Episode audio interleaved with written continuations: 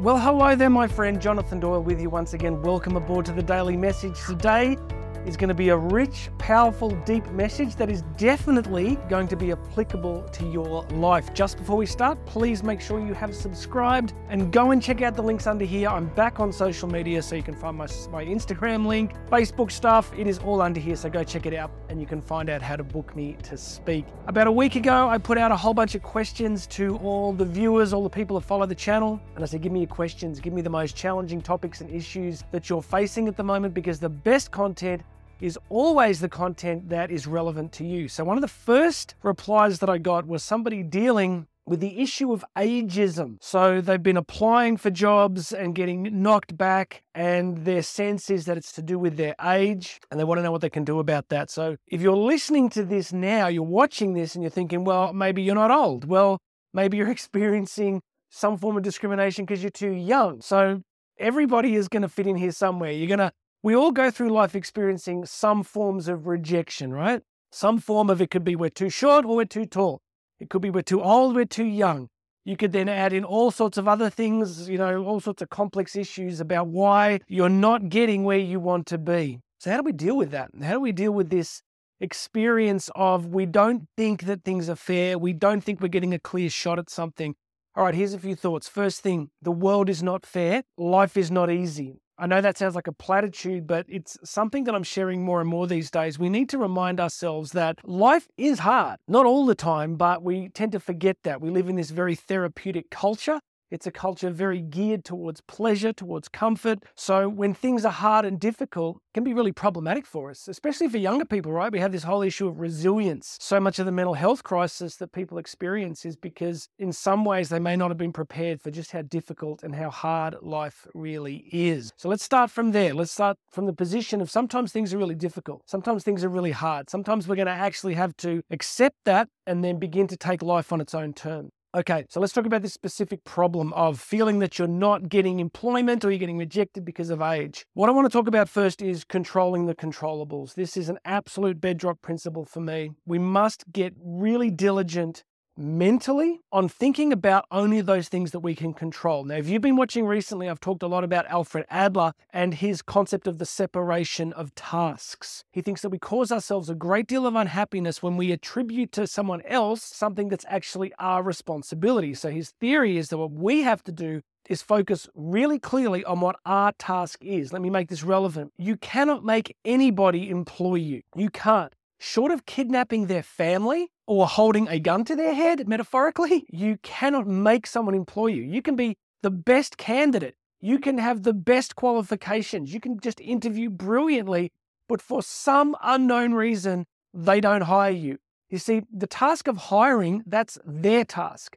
And we can't know what conditions their response. The task of bringing our absolute best to the process, that's our task. That's our controllable. So we want to let go of the psychological energy that we waste on thinking and worrying about what other people are going to do or think about us. It's, it's hard to do. I'm not saying this is straightforward, but all we can do is basically bring the best that we can to any given situation, whatever our age, whatever our ethnicity, whatever our experience. That's all we've got. That's the only thing we can, can control. Because I think so often we go into circumstances and situations worried about what other people will do, think, or say, realizing that we can't control it.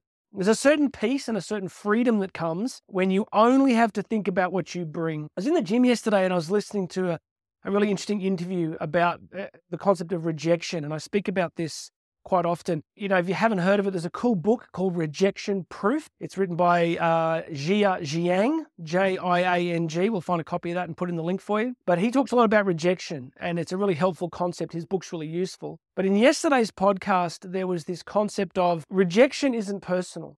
You know, we can't know why people reject us. We can't, you know, unless we do something truly obnoxious. But we can reframe rejection, which is, you know, it's that funny line. I, th- I think it was um, what movie it came from, but, you know, God's delays are not God's denials. Have you ever heard that? God's delays are not God's denials. So sometimes we want something and we keep getting knocked back and we tell ourselves the story, right? That, you know, that uh, it's happening because we're not good enough, or, but we don't know. We don't see the full picture. So sometimes it's the jobs that we don't get that open up pathways that can be better than what we originally expected. And I know this is hard to go through in real time. In real time, if you need employment or you need that promotion or you want that relationship and you're experiencing rejection, it can be really difficult. So we need to handle rejection. We need to accept that rejection Oh, this is what they said in the podcast. I just remembered it. How lucky are you? That this person said that they were getting rejected and knocked back time after time, and they had a, a sense of God saying to them, uh, "They didn't reject you. I just hid their your full value from them. I hid your full worth from them, so that the person who was interviewing them didn't really get in touch with just how amazing they were. So sometimes in life, there's a reason why things don't go quite the way we want.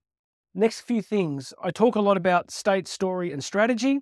It's an old Tony Robbins principle that our experience of these kinds of things is going to have a lot to do with the physiological state we're in. If we're feeling active, healthy, energized, then it's about the story we tell ourselves. The quality of our state leads to the quality of the story. If you're feeling great, if you're feeling empowered, energized, active, you might tell yourself a story like, I didn't get this job, but I'm going to get the next one, or a better job's going to come along. But if you're in a low state, you're going to tell yourself a story about, I'm too old. And once you tell yourself that story, I'm too old, no one will ever, I can never, you're in seriously dangerous waters because once you get into that story, once you embed in that narrative, it's very difficult to get out. And once we have a good story, then we execute strategy, right? So state, story, strategy. So practically, it just means try. We need to keep try and keep ourselves in the best possible state as often as possible. Tell ourselves the best story as possible.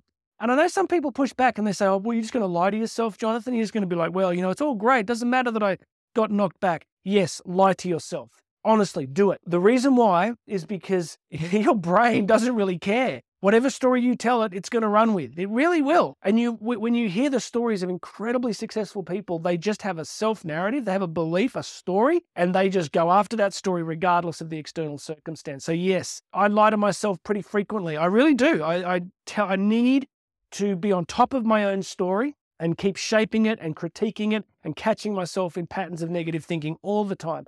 All right, last thing. I frequently talk about uh, Alfred Adler's triangle. It's a therapeutic model. Uh, if you haven't heard me talk about this super fast, Alfred Adler was a very famous uh, psycho- psychotherapist uh, in, at the same time as Freud. He said that when people came into therapy, it was like a triangle. He said there were three points to the triangle. They would sit at one point, and all that people could see was the other two points. Point number one was poor me. Point number two was that bad person. What do I mean by that? Well, Adler said that basically people would come in and their story would be poor me. So they all they could see was that triangle over there, poor me. Um, it was a narrative of this terrible things happening to me. My life's awful. There's nothing I can do. I can't get employed. I can't get the relationship. I can't fix my kids. Poor me. Feel sorry for me.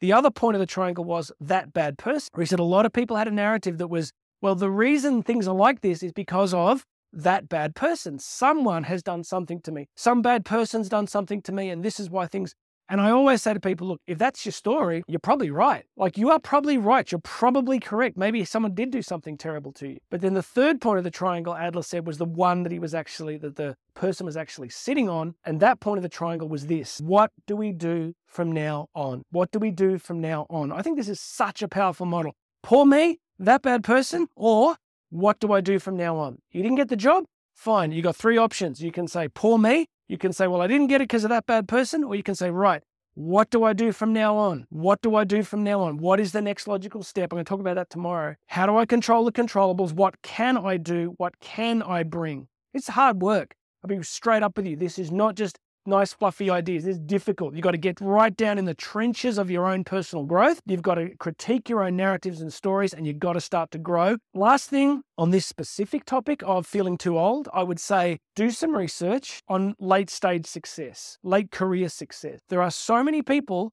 who actually didn't get their win until much later in life. You know, so start looking at people who started companies in their 60s or people who won an Academy Award in their 70s. I mean, look at Clint Eastwood, right? Like he was acting all through his life, but his, some of his most prolific work came in his 80s. So that's the story part again, right? We're back to the story. We go, what story do I tell myself? What can I still contribute? So, you know, at my age now, after 25 plus years of global speaking and travel, I'm sensing a kind of consolidation of all that I've learned and a deeper kind of synthesis of what I teach. So I'm quite excited about this next chapter. It's like, yeah, I'm not 25 anymore, but I still have so much to contribute. And I'm starting to really press into that story that I've got some wisdom. I've actually, I'm, I'm almost 50. I know some of you watching this are going, Jonathan, you're a baby.